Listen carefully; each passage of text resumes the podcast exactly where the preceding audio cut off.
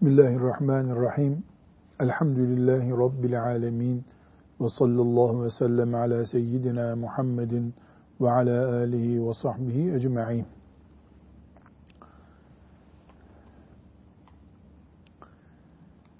Zulmün ne kadar tehlikeli ve müminin ahireti bakımından büyük bir vebal konusu olduğunu konuşan hadis-i şeriflerdeyiz. Şimdi 222. hadisi şerifte en büyük zulüm kabul edilebilecek olan insan öldürmekle ilgili bir kural koyacak sallallahu aleyhi ve sellem Efendimiz. Bu dünyada Allah'a şirk koşmak, yani Allah'ın oğlu vardır haşa der gibi ağır sözler söylemek ya da e, Allah'a inanıyorum ama işte filanca da benim ilahımdır demek Mekkeli müşrikler gibi en büyük günahtır. Bu en büyük günahtan sonra ikinci sıradaki en büyük günah insan öldürmektir. İnsan öldürmenin bu çapta büyük günah olması sadece dünyada buna büyük cezalar verilmesiyle kapatılabilecek bir suç olmadığını gösteriyor. Bir insanın katili olarak ahirete gitmek korkunç bir azap ile cehennemin sonsuz azabı ile tehdit edilmek demektir. Nauzu billah insan böyle bir suçu gaflet ile, dalgınlıkla, kaza ile işlese belki Allah'ın rahmeti umulur, mağfireti umulur da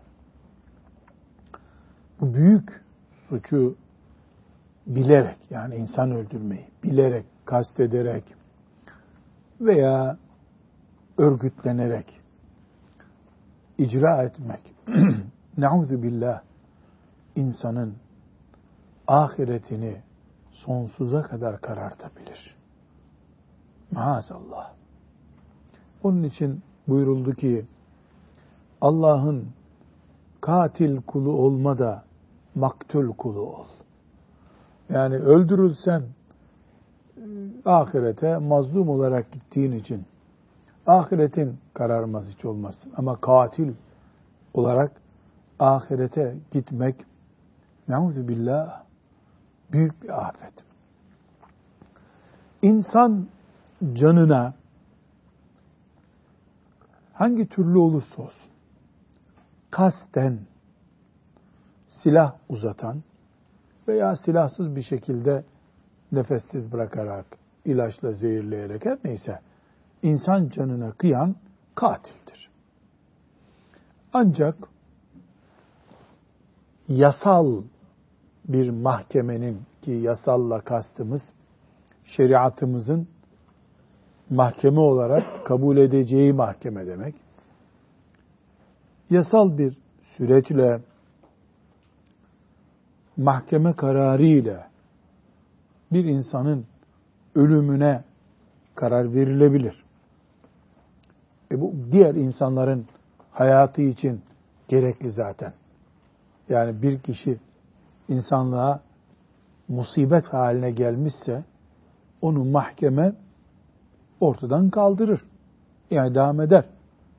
Bunda bir sıkıntı yok. Biraz sonra konuşacağımız insan öldürmekle ilgili sözler bunun için değil. Ancak siyasilerin mahkemeleri kullanarak velev İslam devletinde olsun mahkemeleri kullanarak verdikleri idam kararları kağıt üzerinde e, şeriata uygun denebilir. Haccacı denen zat binlerce insanın kanına girdi. Ama hepsi yasal. Yasal ama biz insanlara göre yasal, Allah'a göre ne? Bunlar hepsi kıyamet günü belli olacak.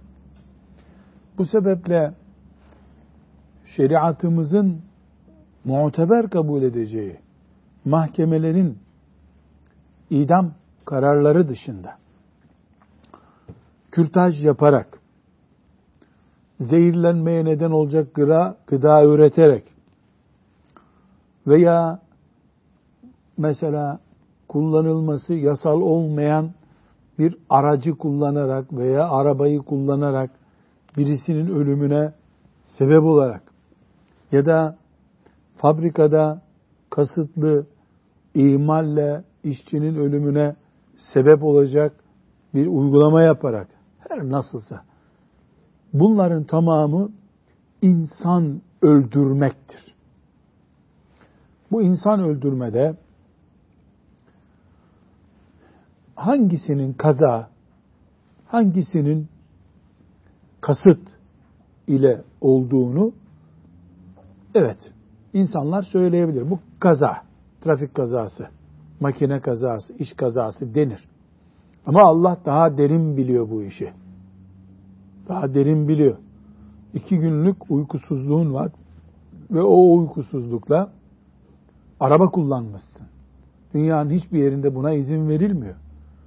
E buna kaza mı diyeceğiz? Buna sebebi kasıt gibi olan kaza diyoruz. Ama beşerin gücü böyle derin sırları bilmeye yetmiyor. Mesela yangın raporu hazırlar itfaiyeler bilir misiniz bunu? Şimdi bir yer kül olmuş baştan sona. Geliyor itfaiye inceliyor. Devlet ona diyor ki nereden çıktı bu yangın? Bunu tespit et diyor. Küllerin arasında işte bir çivi buluyor. Yanmış bir erimiş çivi. Yangın buradan başladı. Ya da kendilerine göre bir tutanakları var. Evet, beşer olarak yapacağı bir şey yok itfaiyenin. Yani yüzde bir de olsa doğruluk oranı raporu onu yazmak zorunda. O kadar. Yani bu kaza mıdır, kasıt mıdır, yangın nereden başladı, elektrik kontağından başladı diyor. Ben çok merak ediyorum. Kablolar bile yanmış. Buradan başladığı Cebrail aleyhisselam gelip bunlara söylemiyor herhalde. Ne yapıyor? Zan yürütüyor. E ben de doğru diyorum. Niye? E, itfaiye bunun uzmanı olduğuna göre e ben herhalde bir şey söyleyecek halim yok burada. En ehil o aramızda. O da bu elektrik kontağından başladı. Elektrik tesisatı zamanında yanlış yapılmış dedi.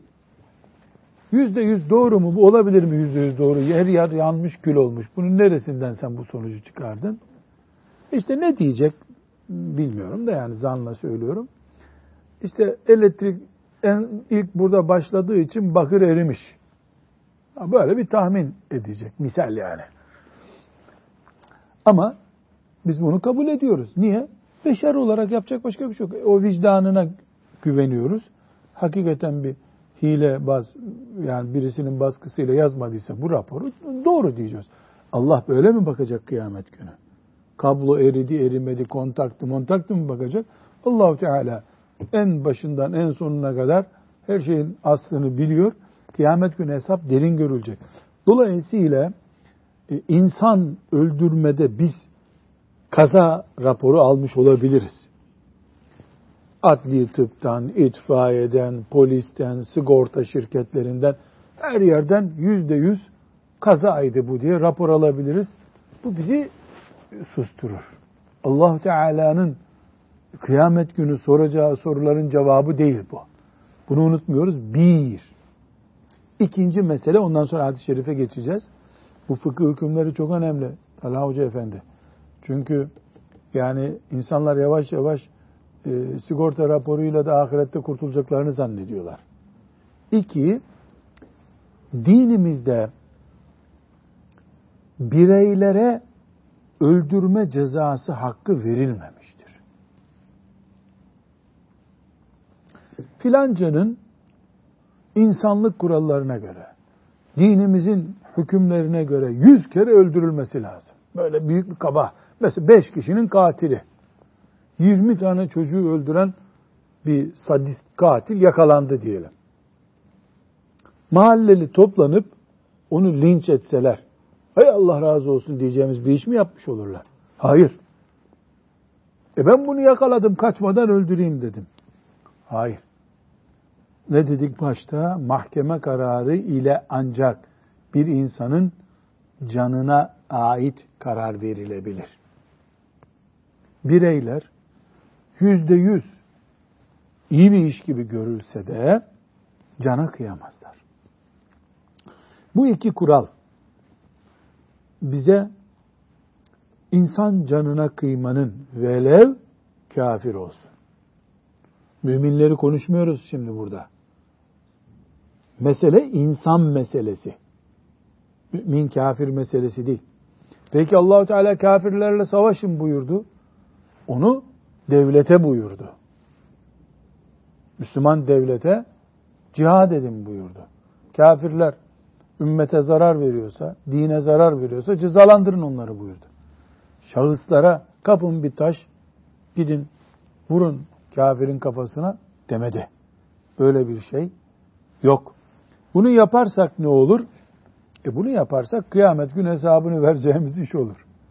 Yani güya Allah rızası için sevap kazanacağımız bir iş yaptığımızı zannederken cehenneme girecek bir iş yapmış oluruz. Yani bir insan kafirdir diye onu öldürme hakkı kimseye vermiyor Allahu Teala. Devletin, İslam devletinin, Kur'an-ı Kerim'i esas kabul eden devletin yasal yetkisini sen sarık sarıyorsun, benim sakalım var, o da çok titiz bir Müslüman diye herhangi bir birimize bireysel bir yetki olarak vermiyor allah Teala. Peki bizim e, can müdafaamızda böyle mi? Hayır. Canımızı müdafaa ederiz. Yani üç kişi yolumu kestiler, e, öldürmeye çalışıyorlar. Peki madem öyle buyurun öldürün mü diyeceğiz? Enayi mümin olmak da doğru değil. Nefsimi müdafaa edeceğim. Öldürmeyi engelleyerek tabii şüphesiz. Yok, o da olmadı. E, onlar bana taş atıyorlardı, ben de attım, bir tanesi öldü. Öyle yani biz de müminiz diye boynumuz kopmaya hazır bir boyun değil. Evet. Şimdi burada 222. E, hadis-i şerif kısa metinli bir hadis-i şerif. Bunu çok dikkatli bir şekilde dinliyoruz. İnsanlar bir not daha ilave edeyim. Hafız Salih bu çok önemli. Şimdi biz bu öldürmekle ilgili hadisi şerifi okuyoruz ya. En büyük zulüm Allah'a şirkten sonra kıyamet günü çok büyük bir dert diyoruz. Şimdi bakınız. Mesela hanım kardeşlerimiz ya tavuk bile kestiği yoktur hayatında. Hatta yanında kurban bayramında hayvan kesilse o gün yemek yemez daha. Dolayısıyla bizde ilgisi yok bunun. Allah'ın izniyle de bulaşmam ben bu işe diyor.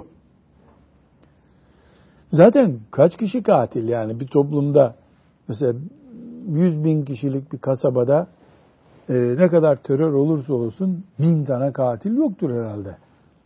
Değil mi? Ama başka bir şey var. İnsan hiç eli kana bulaşmamış bir Müslüman diyelim. Hiç. Dediğimiz yani tavuk kesmez diyorlar ya, tavuk bile kesemez birisi diyelim. Fakat yüreğinde katillere sempati var. Çocuk öldüren bir terör örgütünü, Müslümanlara komplo kurup camilerine dinamit atan bir terör örgütünü seviyor. Bunlar haklı diyor. Kendi ırkından dolayı ya da işte onu bir, bir menfaati vardır. Biz neye inanıyoruz?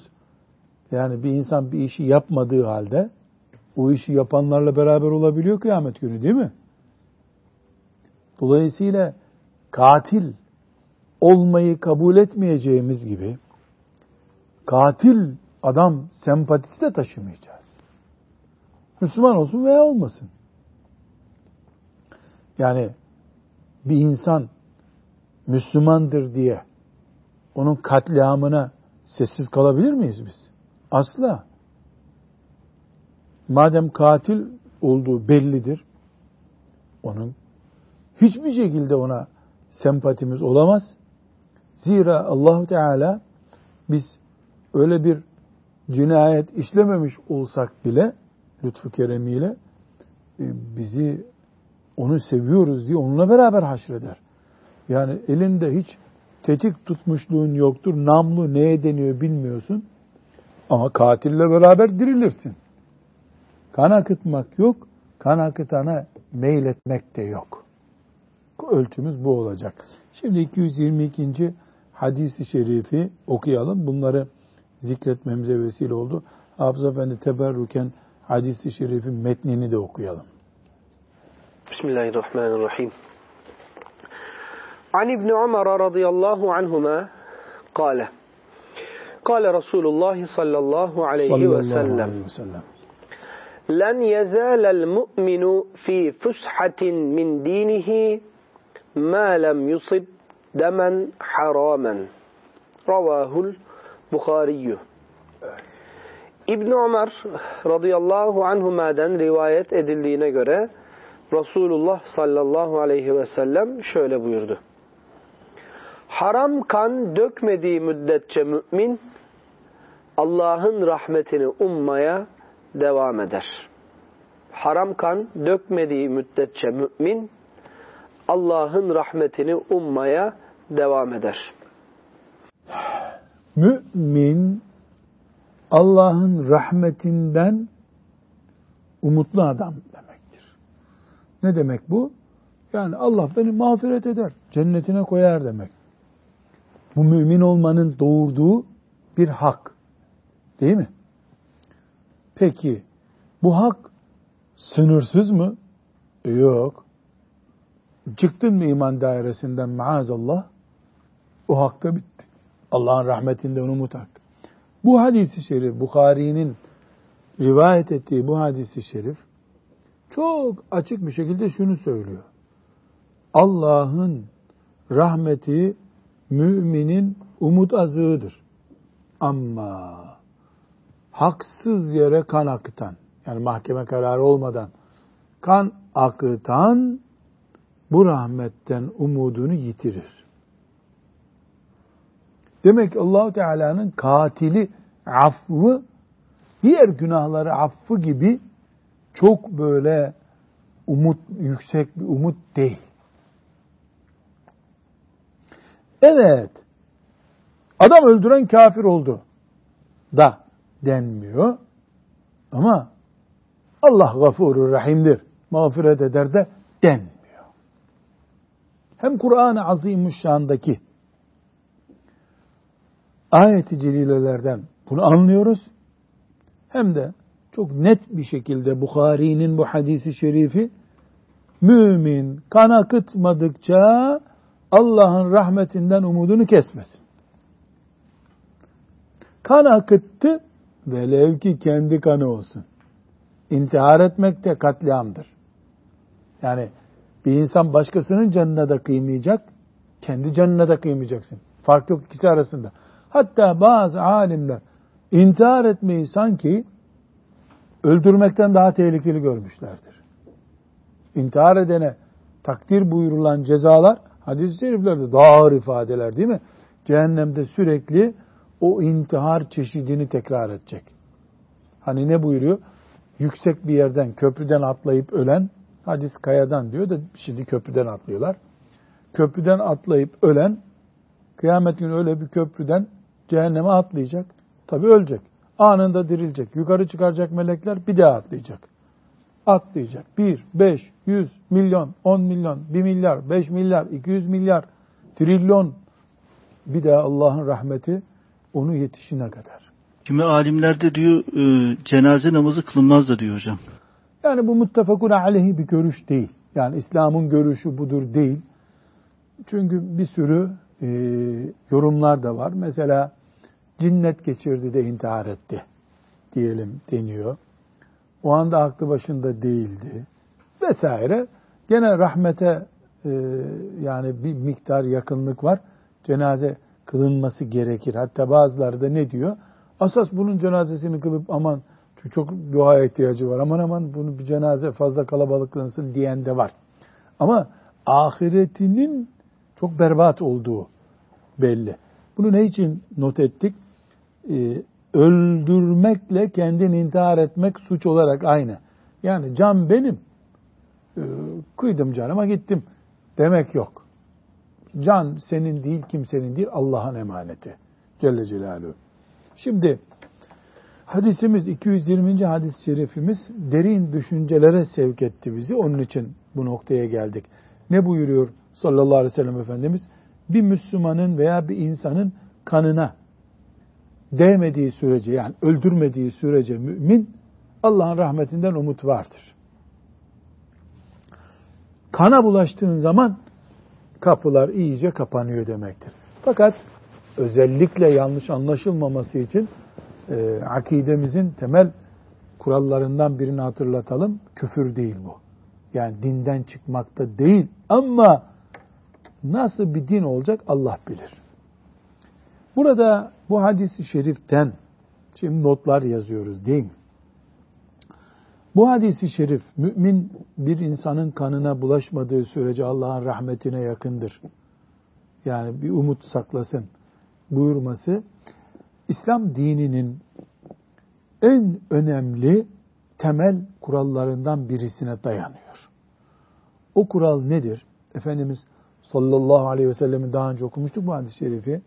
Veda hutbesinde meşhur e, cümlesi var ya e, Müslümanın Müslümana kanı, malı ve namusu haramdır. Müslümanlar Müslümanların kardeşleridirler. Zulmetmezler, onu düşmana teslim etmezler, onu horlamazlar. Birbirlerine yapmazlar bunu. Kıyamet gününe kadar Müslüman, Müslümanın malının güvencesidir. Müslüman, Müslümanın kanının güvencesidir. Müslüman, Müslümanın onurunun güvencesidir. Bunu zedeleyen, cinayet yaparak, bir Müslümanın kanını aktarak, bunu zedeleyen, Resulullah sallallahu aleyhi ve sellemin veda hutbesinde çizgi çizip bu böyledir buyurduğu kuralı delmiş birisidir. Vay haline kıyamet günü onun. Vay haline. O yandı. Resulullah sallallahu aleyhi ve sellem en temel kuralını çiğneyip gitti çünkü. Tekrar tekrar vurgulamakta fayda var. Katil olmak yanmak demektir kıyamet günü. Katile meyletmek, katliam yapan bir örgüte, Müslüman kanını, insan kanını helal görecek kadar seviyesiz düşünen bir kafaya, sakallı da olsa, sarıklı da olsa, büyük ayetli hadisli laflar konuşuyor da olsa, insan kanına bulaşan birisine asla mümin meyletmemeli. Ettiği zaman ahiretini yakar. Nauzu billahi Teala böyle iman ediyoruz. Burada bir not daha var. Hadis-i şerif bu e, mümin nasıl buyurdu? Mümin kan dökmediği müddetçe Allahu Teala'nın rahmetini ummaya devam etsin. Burada kan derken Müslümanın kanı diye bir kayıt koymuyor. Bütün fukahanın e, ittifaken belirttikleri bir kural var. Çünkü diğer hadisi şeriflerden de e, Kur'an-ı Kerim'den de bunu anlıyorlar. Müminin canı da kafirin canı da insan olarak dinin, İslam'ın garantisi altındadır. Kafir olması, 3-4 Müslümanın biraz önce söylediğimiz gibi toplanıp vay kafir mendebur deyip öldürmelerinin ruhsatı değildir. Ancak şey yasal bir süreçte bir cezadan dolayı, bir kısastan, diyetten dolayı böyle bir uygulama yapılabilir. bunu da bireyler yapamaz. Bireylerin bunu yapma hakkı yoktur. Bunu tespit etmiş edelim. Burada bu hadisi şerifi okurken ben e, Talha Hocam özellikle insanlara cuma vaazı yapan, hutbe okuyanlar olarak şimdi şöyle bir e, incelik üzerinde durmamız gerekiyor diye düşünüyorum. Cuma namazına bir yerde 500 kişi geliyor diyelim. Yani bin kişiye sorulsa şu cuma namazı kılanların arasında katil var mıdır? Kimse der mi buradan beşi katildir? Öyle namaza gelenler arasında ne arar katil? El hakta doğru bu. Doğru. Ama bizim iki soruya cevap vermemiz lazım. Bir, kardeşim, ashab-ı kiram bu sözleri dinlerken aralarında katil mi vardı? Şimdi cünüplükle ilgili bir hükmü anlatırken illa cünübe mi anlatıyorsun onu? Gusüllü adamı anlatıyorsun ki cünüp olmasın diye değil mi? Şu Nasrettin Hoca'nın testiyi kırma hikayesi nasıldı Salih Hoca? Hatırlıyor musunuz onu? Ha, Hasan Hocam sen hatırlat şunu ya. Çocuğunu bir şey alma, su getirmeye testiyle, testiyle su almaya, testiyle su almaya yani. gönderiyor. Testiyi veriyor eline bir tane de tokat atıyor. Soruyorlar hoca efendi çocuğa niçin sofa vurdun şimdi yok yere yani hiç bir şey yapmadı çocuk. Diyor ki testi kırıldıktan sonra sopa vurmanın bir anlamı yok diyor yani. Evet. Testi kırıldıktan sonra niye testiyi kırdın diye çocuğu niye acıtacaksın? Ama bu pedagojik cevabı olabilir de çok insani değil yani. Allah bilir öyle bir şey yapmamıştır Nasrettin Hoca da. Millet uydurur temel fıkrası gibi uydurma ama bir şeye işaret ediyor. Tokat olması şart değil. Ee, Müslüman insan evet cinayet işlemez. Camideki adamın ihtiyarlar ne iş var cinayetle? Öyle değil. Bunu Allahu Teala niye anlattı o zaman Kur'an'ında? Namaz kılanlar bu işi yapmasın diye. As namaz kılan bu işe bulaşmaz diye bir kural yok. Bir bu. İki, ya insan öldürmek, eline tüfeği alıp caminin önden çıkanları ateş edip öldürmekten ibaret değil ki. Mesela şimdi e, baba 15 yaşında çocuğun hatırını kıramıyor. Ehliyeti yok çocuğun. Baba ver bir tur atayım. Baba ver bir tur. Al oğlum at gel. Çocuğu kıramadım. Gitti ezdi bir çocuğu geldi. Yani insan öldürmek sadece tüfekle mi oluyor? Dolayısıyla bizim hocalar olarak, öğretmenler, öğretmen olarak, muallimler olarak, anneler, babalar, dedeler torunlarına nasihat ederken insan canının çok mübarek olduğunu, o cana şu veya bu sebeple kıyam birisinin kıyamet günü harap olacağını, bizim din anlatır gibi, abdest anlatır gibi konuşmamız lazım. Ki bunu yapalım. Şeytan bir terör örgütü kurup sonra da gelip çocuklarımızı insan öldürmek için böyle armut toplar gibi e, camilerden, medreselerden toplayıp götürüp onlardan insan katili üretmesin. Yani eğer 20 yaşında bir delikanlı aslında namaz kılıyor. Allah'tan korkuyor. İslam devleti diye bir hayali de var çocukcağızın. Ama bakıyorsun böyle birinden bir haber geliyor.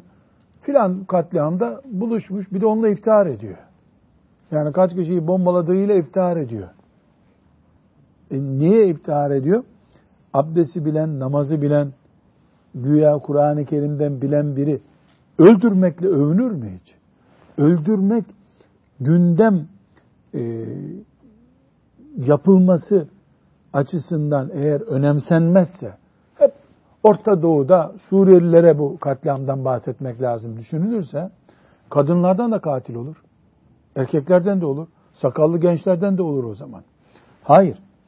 Resulullah sallallahu aleyhi ve sellemin bi'setinin yani peygamber olarak gönderilmesinin ana nedenlerinden biri insan katliamını önlemektir. Bu kural. Biz bunu genelde nereye daralttık hep? İşte kız çocukları diri diri gömülüyordu. Ee, bu diri diri gömülmeyi Efendimiz sallallahu aleyhi ve sellem önledi. E, büyük adamların öldürülmesini hoş mu gördü? Yani kız çocukları diri diri gömül, gömülmesin diye gönderildi. E peki sokakta Müslümanlar birbirini öldürdüğü zaman e biz çocuklar için mi gönderildik diyecekti sallallahu aleyhi ve sellem. Hayır. Ne kız çocuğu diri diri gömülsün, ne erkek çocuğu gömülsün, ne de yaşlı adam öldürülsün. Resulullah sallallahu aleyhi ve sellemin bu fani dünyaya peygamber olarak gönderilme nedenlerinden birisi insan canına kıyılmasının önlenmesidir. Bu da şu demektir. Kafirlerin bile, kafirlerin bile Resulullah sallallahu aleyhi ve sellemin rahmeten lil alemin oluşundan istifade edeceği bir dünya kurmak istedi Efendimiz sallallahu aleyhi ve sellem. Bunun için gönderildi. Hep neye vurgulama yapıyoruz?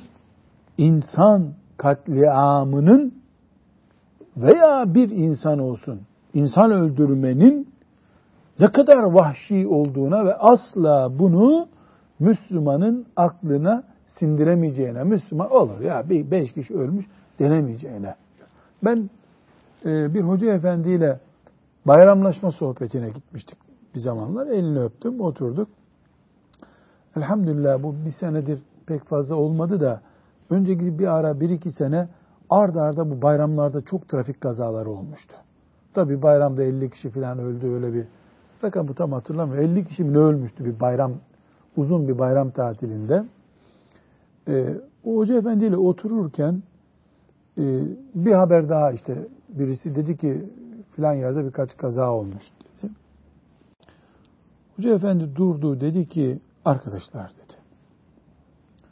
Yahu sanki yağmur yağdı da şurada iki tane keçi ıslandı der gibi diyorsunuz bunu dedi. Ya bir trafik kazasında beş kişi ölür. Bu nasıl konuşulur bu kadar rahat yahu dedi. Ölümü bu kadar rahat konuşmak hiç hayra alamet değil dedi. Çok dikkatimi çekti bu. Yani bir kişi iki kişi ölünce haberde olmuyor artık o. Şöyle bir 15 kişi ölmeli ki haber yapmaya değsin diye düşünülüyor. Bu da insan canının değersiz tutulmasının sonuçlarından biri. Bu mübarek hadisi şeriften e, anlaşılan bir şey var. Şimdi açıkça hadisi şerif e, kafir olur buyurmuyor. Ama Kur'an-ı Kerim'de Nisa suresinin 93. ayetinde وَمَنْ يَقْتُلْ مُؤْمِنًا مُتَعَمِّدًا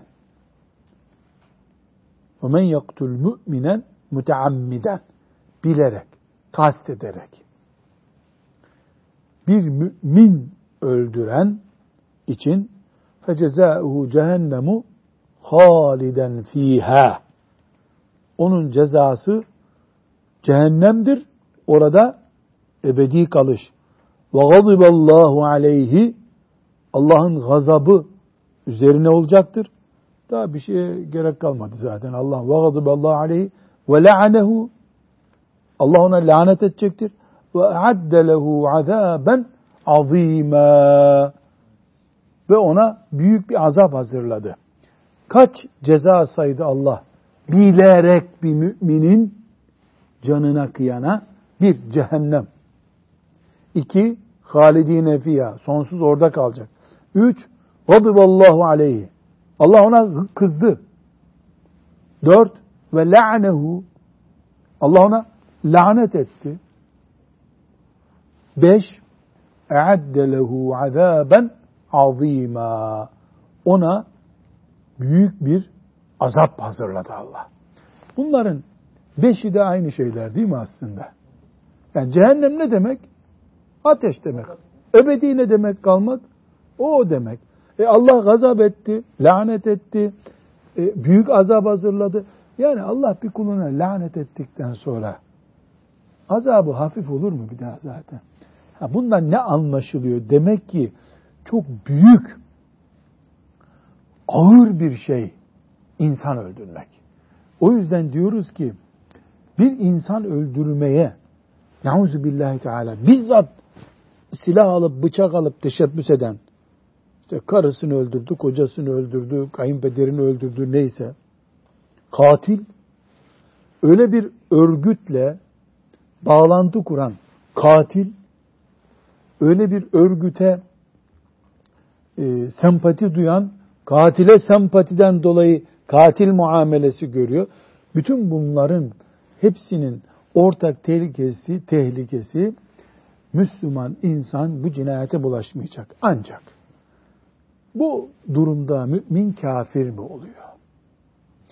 Burada kafir yani cehennemde ebedi kalacak diyor. Öbür taraftan Allah cehennemde mümini ebedi bırakmaz deniyor. Bunu şöyle anlamamızda fayda var. İnsan öldüren kafirdir. Sözü doğru değil. İnsan öldüren e, olur olur bakarız melekler toparlar işini demek de doğru değil. Daralmış daralmış hani böyle bir şeyi asılırsın asılırsın asılırsın böyle de tam kopacak bir yer olur böyle ip incelmeye başlar orada. Onun imanı o durumda. Nasıl ahirete gideceği ni ancak Allah biliyor. Bir ufak hamle daha koparıp onu kafir olarak da götürebilir. O noktaya gelmeden önce aklı başına gelip filan salih amelini beğendiği için Allahu Teala yumuşatır kalbini de ona tövbe istiğfar nasip eder. Bunlar mümkün. Ama ve lakin anlaşılan o ki alimlerin dikkat ettiği şeyde sanki imanı gider sonunda bunun. Yani bu katil ol, olduğu için kafir olmaz belki ama bu iman da bunda kalmaz bundan sonra. Çürür bu iman gibi anlamışlar. Peki buradan bir soru sorabiliriz biz. Tövbesi yok mu bu insanların? Yani üç kişi öldürdü, dört kişi öldürdü. Tövbesi yok mu? Hadisi şerif ne diyor? 99 kişi artı bir kişi daha 100 kişi tövbesini kabul etti mi Allahu Teala? Etti. Peki bu tövbeyi Allahu Teala kabul etmeyebilir mi? Ya etmeyebilir de tövbe şart mı Allahu Teala illa kabul edecek diye bir kural var mı? Öyle değil. Kanuni hakkı adamın tövbe etti, yasal olarak kabul edilecek. Bu dünyada geçerli bu tip işler. Allahu Teala için geçerli. Ama şeriatımızın ana müjdesi nedir? Ee, Allahu Teala tövbe edenin tövbesi samimi ise kabul edeceğini buyuruyor.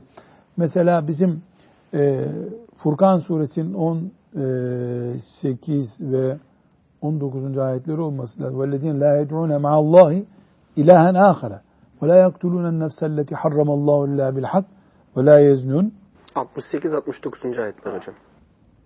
68 69. Ee, burada Allah Teala katillerin suçundan bahsediyor ama ayeti nasıl bitiyor? İlla men tabe ve amene ve amile amelen salihan iman ederlerse bu kadar kötü katliama rağmen iman ederlerse yani tövbe eder, iman ederlerse, salih amel yapan adam olurlarsa kabul edeceğini söz veriyor mu Allahu Teala? E, insan öldürmek de bu ayete dahil mi şimdi kabul olması bakın. Demek ki bir sıkıntı yok. Ama bir şeyi unutmuyoruz. Ee, şimdi dedik ki Allahu Teala tövbe edenin tövbesini kabul buyuruyor. Amenna ve saddakna. Ama her günahın tövbesi kendi cinsinden olacak adamı öldürüp gidip de ondan sonra alnından öpüp helallik istedim demekle olmuyor böyle. İnsan katliamında bir insan öldürenin iki türlü dosyası açılıyor. Bir Allah'ın hakkı var. Bir de öldürdüğü insanın hakkı var. Öldürdüğü insanın yakınlarının hakkı var. Babayı öldürdün, çocuğunun hakkı var. Hanımının hakkı var. Onun dedesinin hakkı var. Yaşayanları açısından. E, tövbe etmek ne demek? Ben birisini öldürdüm. Nauzubillah. Tövbe ettim, Rabbime döndüm. A bölümü bitti tövbenin. B bölümü öldürdüğümün diyetini öderim. Veya öldürdüğüm insan, kasten öldürdüğüm için kısas istenir benden. Şeriat mahkemesi benim de öldürülmeme karar verir. Ben de götürür boynumu teslim ederim.